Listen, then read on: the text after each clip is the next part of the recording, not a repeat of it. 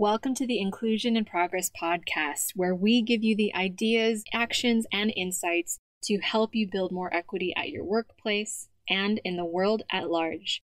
I'm your host, Kay Fabella, international expert on diversity, equity, and inclusion, a Filipino American living in Spain, and your guide in navigating this DEI journey. Having worked with teams at companies such as Philips, the IMF, Red Hat, PepsiCo, and more, I know firsthand that the work of inclusion only works when everyone has a seat at the table.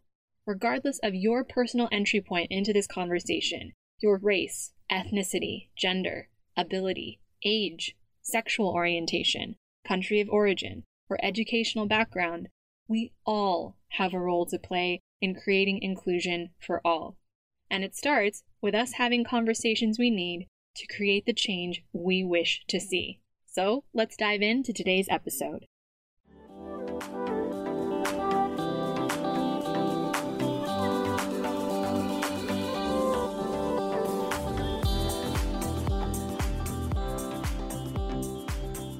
Hey again, friend, and welcome back to Inclusion in Progress. So, before we dive into today's episode, wanted to share a really quick but super exciting update for Team IIP. Our fully remote team is going to be officially meeting in person next month for the first time ever. So, at the time of this recording, that will be September 2022. So, as you can imagine, we're all super excited to finally get some in person co working time, some brainstorming sessions in, get a little bit of sightseeing together, as well as finally see how tall each of us actually is. Since you only really see waist up on these Zoom calls. And of course, get some real life hugs in. So, spoiler alert, I know I'm the shortest on the team at five foot two or just shy of 158 centimeters. so there's no surprises there. But, you know, forgive me for taking a moment to just brag about the team here. It's a real testament to how we've been able to keep going and growing despite never actually having met in person before all this time. And this in person trip is honestly a long time coming. And it's really, really cool. I'm genuinely humbled. I'm genuinely excited and and just thrilled that we all get to continue to build on what we have the last few years as well as really celebrate all of the milestones that we have accomplished together in person. So if you want to follow along to see how the trip goes, feel free to connect with me on LinkedIn. You can connect with me on my personal page, which is K Fabella.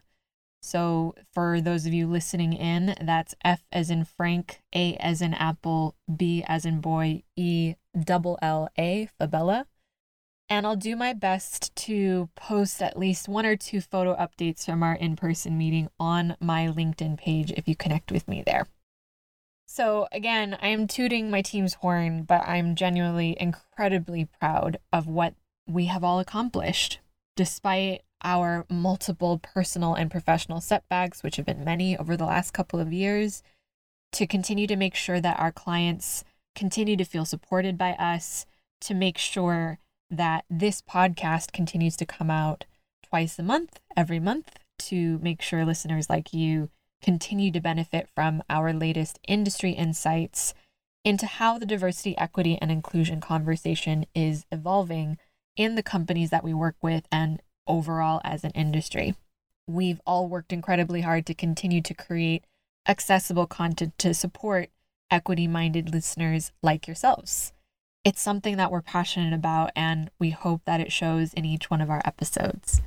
In fact, Sherry from the UK was kind enough to write in recently saying, quote, I've been listening to your podcast and got loads from it as I prepare for a job interview doing an L&D learning and development role in EDI. Thank you. End quote. And we love hearing things like this from you, from our audience of listeners now from over 30 countries across the globe. And listen, we are a small but mighty team. And because we are already taking on quite a bit, this podcast really, as I've shared before, is a labor of love. And one of the reasons we love putting out these episodes alongside all the things that go into running a DEI consultancy and working with one another in different parts of the world ourselves, is because we know that in some small way, even for the people who may not get a chance to work with us directly, we're still in alignment with our mission. We're still offering access to timely and industry tested and relevant information that will support you and your company or your team on your equity and inclusion journey. So, if you are a longtime listener, or maybe you're just diving in and digging the first few episodes that you've just binged, hey, we've all been there with a new podcast. If you could please do Team IIP and myself a huge favor and leave us a five minute review, it would be amazing. Honestly, just pop it into iTunes or Spotify or wherever you're listening to this podcast right now, because every review really helps us reach those who would gain value from episodes and discussions that are diving into very open conversations around diversity and inclusion, around the future of work, and of course, working in a distributed team in different cultures. The easiest way to support us in this mission to support greater inclusion at workplaces across the world is to take a few minutes to leave us a review so that more people who need these resources can benefit because they'll see it pop up in their feed. We'll leave instructions for you to leave that review at the link in the show notes, so please be sure to check that out. But back to today's episode. What does diversity and inclusion look like when it intersects with the remote work conversation for companies? Well, if you've been following along, you know by now that this is our sweet spot at Inclusion in Progress. As we shared in episode 93, what remote teams really need to feel included at work, the biggest obstacle to inclusion on distributed teams is psychological safety which hinges on a foundation of trust. Now, if you want to dive more into the different types of trust that we covered that make remote teams work effectively, be sure to check out the episode after you listen to this one. That's episode 93. We also know that trust takes time to cultivate. And trust, especially in a work environment, can be built or broken in every interaction whether it's in our asynchronous channels like Slack or by email, or in a one on one with a fellow team member or a manager. Now, Brene Brown famously said, In the absence of data, we will always make up stories. In the absence of data, we will always make up stories. And that's because our brains are hardwired for survival and self protection. And they chemically reward us with a sense of calm and tranquility when we feel like we have that complete story, even when the story our brains are telling us isn't accurate. Now, the same is true for those of us working remotely with our teams, if not more so. When we don't see one another, when we haven't even had the chance to get to know one another in person prior to working together on a remote team, it's even easier for our brains to make up stories about one another, often in a very harmful way. Like when someone needs to step away from the office or from their work environment for their child's medical emergency. And the other team member who's waiting on them for a task isn't informed about that medical emergency. That team member could turn that into a story like, oh, John is ignoring me which can easily turn into a story of John is unreliable. I can't trust him to do anything when I need him. Or when someone interacts less during an all hands call or in team group interactions. Other team members might label that person as shy or cold or distant, when the reality is that they are a non native speaker working on a team of all native speakers or they are someone who culturally defers to authority and is uncomfortable voicing a contrary opinion when their manager or their leader is present. Or they're not neurotypical and spend more time processing what's being said when multiple voices are present on a call. See what happens when you only see one part of your team's story especially when you're working in a distributed environment, our brains make up even more stories about each other when we're working remotely. And honestly, waste unnecessary energy that our teams can use to work together. When all we need to do is make our stories more available to our team members, because those stories actually give us greater context. Having greater context is like, well, you can't see me obviously because I'm recording this, but imagine horse blinders around your eyes and removing those horse blinders, which allows you to widen your perspective of the people that you work with and see them as whole humans like us, despite not being physically present. Because teams that actually work effectively together, that understand one another, achieve superior levels of participation, cooperation, and collaboration because they trust one another. They share a strong sense of group identity. They have confidence in their effectiveness as a team, knowing that they each have each other's backs. In other words, teams that possess high levels of group emotional intelligence are able to work more effectively together, but only when they have access to one another's stories and contexts to be able to fill in the gaps when their brains try to fill them in for them. So, for today's episode, I wanted to dive into what we measure first for diversity and inclusion when it comes to remote teams specifically, and how we help advise teams in increasing their effectiveness and therefore their understanding of one another so that despite working in a distributed environment, they can continue to build psychological safety and inclusion in a way that brings out the best of each of their team members. So let's go ahead and dive in. First, we look at a general audit of team identities. Now, by auditing and assessing a team's identities, which include their non work roles and responsibilities, we can start to measure levels of psychological safety and inclusion on a remote team. So, what do we mean by non work roles and responsibilities? Well, it's essential to know where your people are coming from. Who do they live with? What is their lived experience like? What does their work situation look like at home or in their current office space? Who or what do they continue to grieve after the pandemic? Because all of us are grieving something. What do they enjoy doing outside of work? What could be potentially influencing or affecting their ability to do their work effectively and share that with others? Knowing all of these things, again, these are just a few examples of things to consider, but knowing all of these things may also help you realize strengths or obstacles that could contribute to your team's work situation. Our teams now expect employers and leaders to consider their individual circumstances like caregiving obligations, neurodiversity, native language, and more, all when designing their roles and evaluating their performance in a way that considers them as whole humans and not just their ability to get their job done.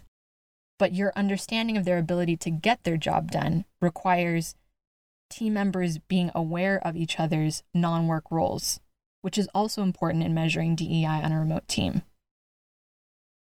Another thing that we can look at on a remote team when we're auditing team identities is working preferences. Now, given the different non work roles and responsibilities of your remote teams, this may require different working conditions and environments for each of them. Some may prefer going to work or going to a physical shared workspace where they're more likely to meet their colleagues instead of working remotely.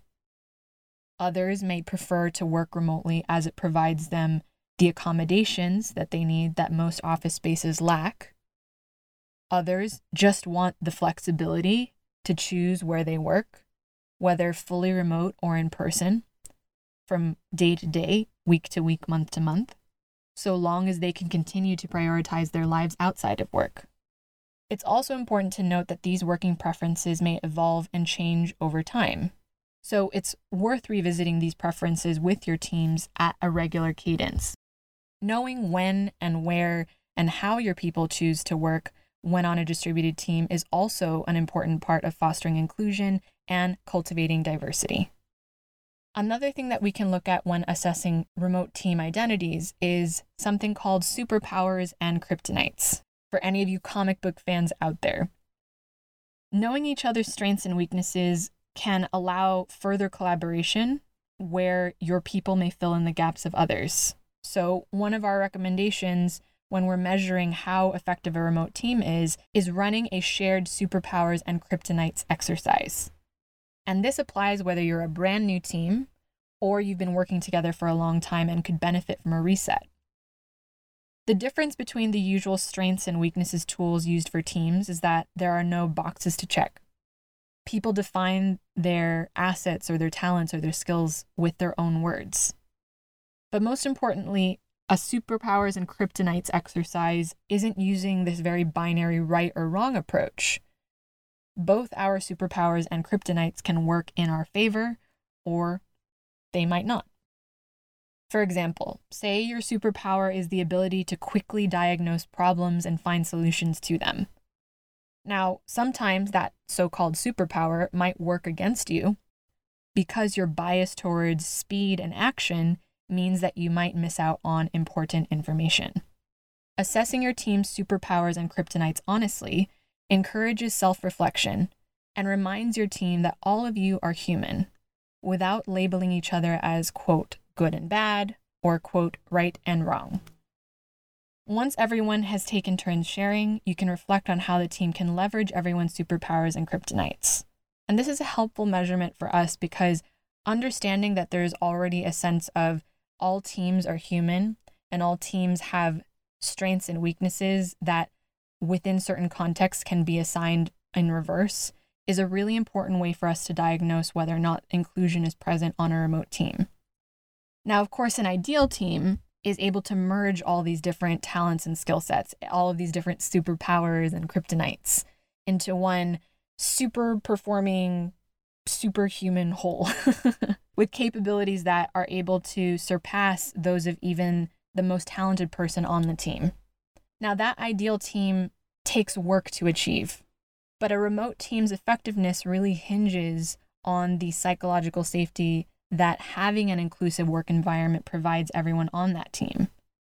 So, the ability to have discussions like things like superpowers and kryptonites, team identities, and whether or not your working preference has changed is an important way for us to measure something like the ability to have discussions that foster understanding without judgment, which supports whether or not equity and inclusion is present on a remote team. Now, the next thing that we look at measuring is whether or not there is a shared sense of team identity. What does that mean exactly? So, post pandemic, organizational culture is less about your company's value statements and all the cool things and perks that you received in the office working together, and more about the microcultures that are created by you and your team. So, history tells us that culture before organizations was built around shared causes, was built around common behaviors, common ground, common understanding of things, and a shared sense of purpose. And now, when we talk about your team's microculture, we know that people want to belong to something that they think is effectively working towards that cause or purpose and that they feel that they belong to. Our 2021 white paper found that people were more likely to stay at a job where they felt that their manager supported them. So we now know that team culture can foster collaboration and motivate employees but a bad or a toxic team microculture leads to higher turnover and repercussions for the organization as a whole. Now, the easiest way to identify whether or not a microculture that's effective and inclusive is present on a remote team is identifying whether or not there is a shared sense of team identity. Now, what does that look like in practice? Well, a remote team identity should be built around a shared why, or a purpose that grounds your team. Some teams we work with choose to create something like a mantra or a slogan that everyone on the team learns as soon as they join. Something like, we radically simplify X for our customers. Other teams use a purpose statement, such as focus on the human, that establishes both how they treat each other and the clients or other departments and divisions that depend on them in the organization. Creating an effective, inclusive team culture should be about capturing the purpose behind your team's work, something that unifies you regardless of whether or not you're present. And then encouraging your team to participate in upholding your why and sticking to that. This shared team why also makes it easy for you to measure your team's progress. And we found that the easier the why is for your team to remember, the easier it is for your team to feel connected to it and measure their own progress against it. Other things that we measure on teams include things like whether or not there is a shared set of values, things that can govern the acceptable behaviors of remote teams and can contribute to inclusion in a systemic way that can correct for behaviors when they no longer fall in alignment with those values. Finally, we also look at whether or not there's something like a shared language that the team can refer to. Now, the number one advantage of a shared or common language, as we know even in working with cross cultural teams, is efficiency. Because increasing efficiency means you're completing your tasks faster, but it also minimizes the time spent on unnecessary tasks and maybe second guessing or extra guesswork that's not necessary. So, shared jargon and expressions within a common language do something called chunking, which means those chunks allow your team to compartmentalize information and act on it faster because it clarifies things for them. Simple misunderstandings, as we know, can create conflict on teams or even lead to some of your team members completing their tasks incorrectly. Whereas when everyone can communicate with complete clarity, with something such as a shared language, it minimizes confusion, it can ease tension and uncertainty, it can strengthen ties and relationships, and promote a more unified, supportive, and inclusive team. Having a common language on your team also increases opportunities for connection and helps remote team members to feel included. For example, on our team, we have a channel that's dedicated to all of our inside jokes called the Team IIP Glossary, which all of us have contributed to, including myself at some point.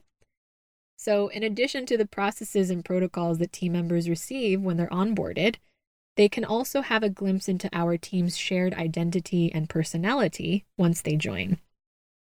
Now, shared lingo goes beyond just sharing cat photos or music preferences because it actually contributes to creating a sense of community and belonging that the team shares with each other, and that even new team members can tap into when they have access to that shared language. In our experience, the DEI conversation often focuses on measuring individual identities.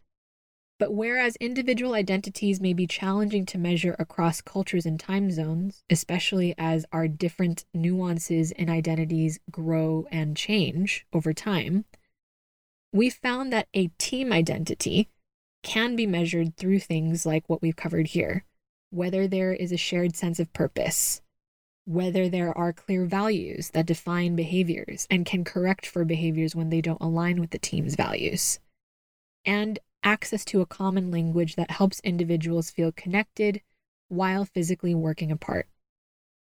All of those things contribute to measuring inclusion on a remote team. So let's take a brief pause here. At Inclusion in Progress, we know that the diversity, equity, and inclusion, or DEI conversation, continues to remain relevant as identities become more varied and nuanced and evolve, as more voices are coming into the fold, and of course, as more historically excluded perspectives come to the table. Now, as an organization, it's your job to understand what your people need today to keep them long enough to continue to recruit the best people tomorrow.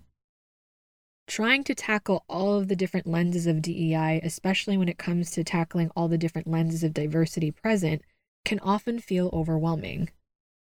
But rather than looking at the entire room of options, we recommend starting in one corner and working your way outward, starting with an area that you know can encapsulate as many people as possible while centering equity in the conversation. So if you want someone in your corner as you're navigating this scenario, we can help.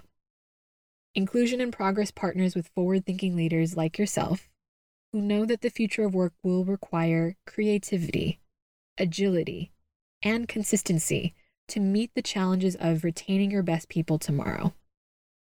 And one of the ways that we can support you is through our inclusive virtual work survey. As a fully remote team that is comfortable gathering data across cultures and borders and knows the challenges and benefits of supporting teams working virtually, we guide the likes of our client partners such as Red Hat, Instagram, and more with how to implement structures and systems that support your teams in achieving their best, no matter where they come from or where they choose to work. So that you can increase the likelihood of not only retaining the best people on your team, but also renewing your commitment to greater equity and inclusion that centers you as a great employer to work for for future talent as well. So, if you'd like to learn more about our inclusive virtual work survey and how we can start rolling it out for your global DEI strategy, head to the link in the show notes to book a call to learn more. We're finalizing bookings for client partners in Q4 and have already started to take bookings for Q1 2023. So, if you'd like to learn more about how we can support you before 2022 ends, you can book a call with us or email us directly at info at inclusioninprogress.com to learn how we can help you gather the data you need for an inclusive, flexible work strategy that allows you to retain your best people and ideas. So, diving back in, we also look at measuring diversity and inclusion on remote teams by understanding whether or not there are channels to instill awareness and accountability. So, whether or not individuals have the ability to self regulate and measure their own behaviors against their team's purpose and values is just as important as us recommending what managers and divisions and leaders and organizations do when it comes to creating inclusion in a flexible work environment. So, for example, we encourage teams to start with the assumption that someone will do their job well when provided with all of the means to accomplish it, which also means allowing people to set their own deadlines, trusting them to deliver their tasks, giving them a way to share with the rest of the team when those tasks are done, etc. If those channels don't exist, then that's something that we look at troubleshooting. If someone on a team is not able to deliver, being able to actually have a conversation with them about the challenges that they faced or the circumstances that they were in allows you to talk about how a remote team can help one another so that deadlines are met. Many remote teams are also aware that their teams are getting burnt out living at work, so to speak, because as we know, the lines have become increasingly blurred between work and non work lives. Now, many people aren't willing to admit when they're burnt out, but when they are, as we know, it affects judgment. It's a big part of the reason why the team and I took a break in July 2022 to give ourselves time to recover from when we were teetering on burnout ourselves but it's not comfortable to talk about. So, a number of leaders are now modeling that for others. We're seeing remote team managers who are consistently rating higher on engagement scores with their employees, doing simple things such as asking people on their weekly meetings or even in their one on ones, How do you feel? Where are you at today? The likelihood that a remote team is admitting to their colleagues their personal anxieties, their vulnerabilities, their stories, when appropriate, is also a marker of inclusion and psychological safety that we can actually measure and act upon. We found that when leaders help their teams understand that it's the circumstances and not a sense of failure or a personal shortcoming that's explaining their feelings of burnout or disconnect, which allows that leader to create a more open dialogue where their remote team can troubleshoot together and offer them support. It's important to establish comfortable, group sanctioned ways to express the inevitable misunderstandings, whether it's anger or tension, frustration that arises from working in a team with fellow humans, because it happens. We've all been there but it's about measuring and guiding how we can positively redirect that energy and whether or not that is actually present on a remote team. So, inevitably, a team member may indulge or engage in a behavior that crosses the line somewhere that doesn't align with the team's shared sense of values or purpose. And a team must feel comfortable calling attention to it and resolving it together. A distributed team, especially, needs to have an outlet to express their frustrations or collide with one another with a safety net, which is fundamental to psychological safety in innovation. Whether that's offered by the team leader, the organization, or the team's own shared working agreements that they have all specifically sat down and outlined together. In our experience, we've found that when a team lacks a clear disagreement pathway, this actually perpetuates a lack of psychological safety and a lack of inclusion, and creates a work environment that undermines the team's effectiveness. We've also noticed the focus of many DEI conversations in the remote work or flexible work context tend to put the onus on just the organization, on just the DEI or HR division, or on just the remote team's often overworked manager. But individuals on a remote team also need a pathway to self regulate, to determine when they are overextending themselves, or to assess when they are responsible for perpetuating harmful behaviors that don't align with their team's purpose or values. The reality is, there are more harmful assumptions that can be made that may compromise equity and inclusion in a remote environment because people aren't working alongside one another and they can't see each other physically. But when we give individuals the opportunity to correct for and remove those assumptions, giving them access to a toolkit of sorts, which allows them to prioritize their own psychological safety and well being, the entire team benefits from shared accountability and responsibility in creating a more inclusive workplace for everyone.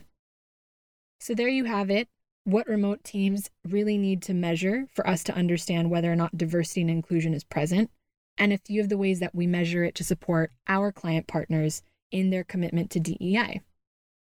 Now, obviously, this is a much more nuanced conversation that depends very much on team, organization, country, culture, time zone, even states of mind. but at Inclusion in Progress, we know that the DEI conversation is wide and varied, which also might make it feel overwhelming and daunting for those who are leading these initiatives at organizations because everything feels urgent. Everything feels urgent because companies and leaders taking on a new role in defining a future workplace that works for everyone requires all of us to be aware of what's coming and react to it accordingly. But as a forward thinking leader, it's your job to not only react to what's in front of you, but to proactively anticipate and understand what your people need today that keeps them long enough to contribute their best ideas and helps recruit the best people tomorrow. Listen, trying to tackle all the different lenses of DEI can feel overwhelming. But rather than looking at the entire room of options available to you, we recommend starting in one corner and then working your way outward. So, again, if you want someone in your corner to specifically tackle how to make flexible work inclusive for your teams, no matter where they are or where they choose to work, we can help. We partner with forward thinking leaders like yourself through both data driven and qualitative strategies that center the well being of your people. And one of the ways that we can support you is through our inclusive virtual work survey, which we're making available for the first time in an effort to try and make the whole process of remote work effective and efficient, but also accessible for those who are trying to leverage it to support their larger global DEI strategy. As I've shared multiple times on the podcast, we are a fully remote team that is very excited to meet in person next month, but is also comfortable gathering data across different cultures and borders. We span APAC, EMEA, and the Americas. And we know ourselves as a remote team the challenges and benefits of having a team that works virtually and we draw from our own experience when we're guiding you on how to implement structures and systems that support your teams in contributing their best to your company so that you can retain your best and live up to your desire to create inclusion for all. If you'd like to learn more about our inclusive virtual work survey, and how we can start rolling it out to support your global DEI strategy as you move into 2023, head to the link in the show notes to book a call to learn more.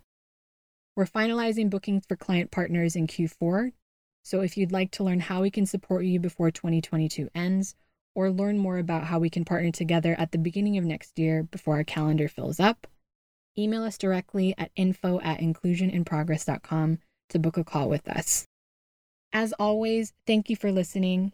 Thank you for sharing these episodes with others, and we'll see you next time on Inclusion in Progress.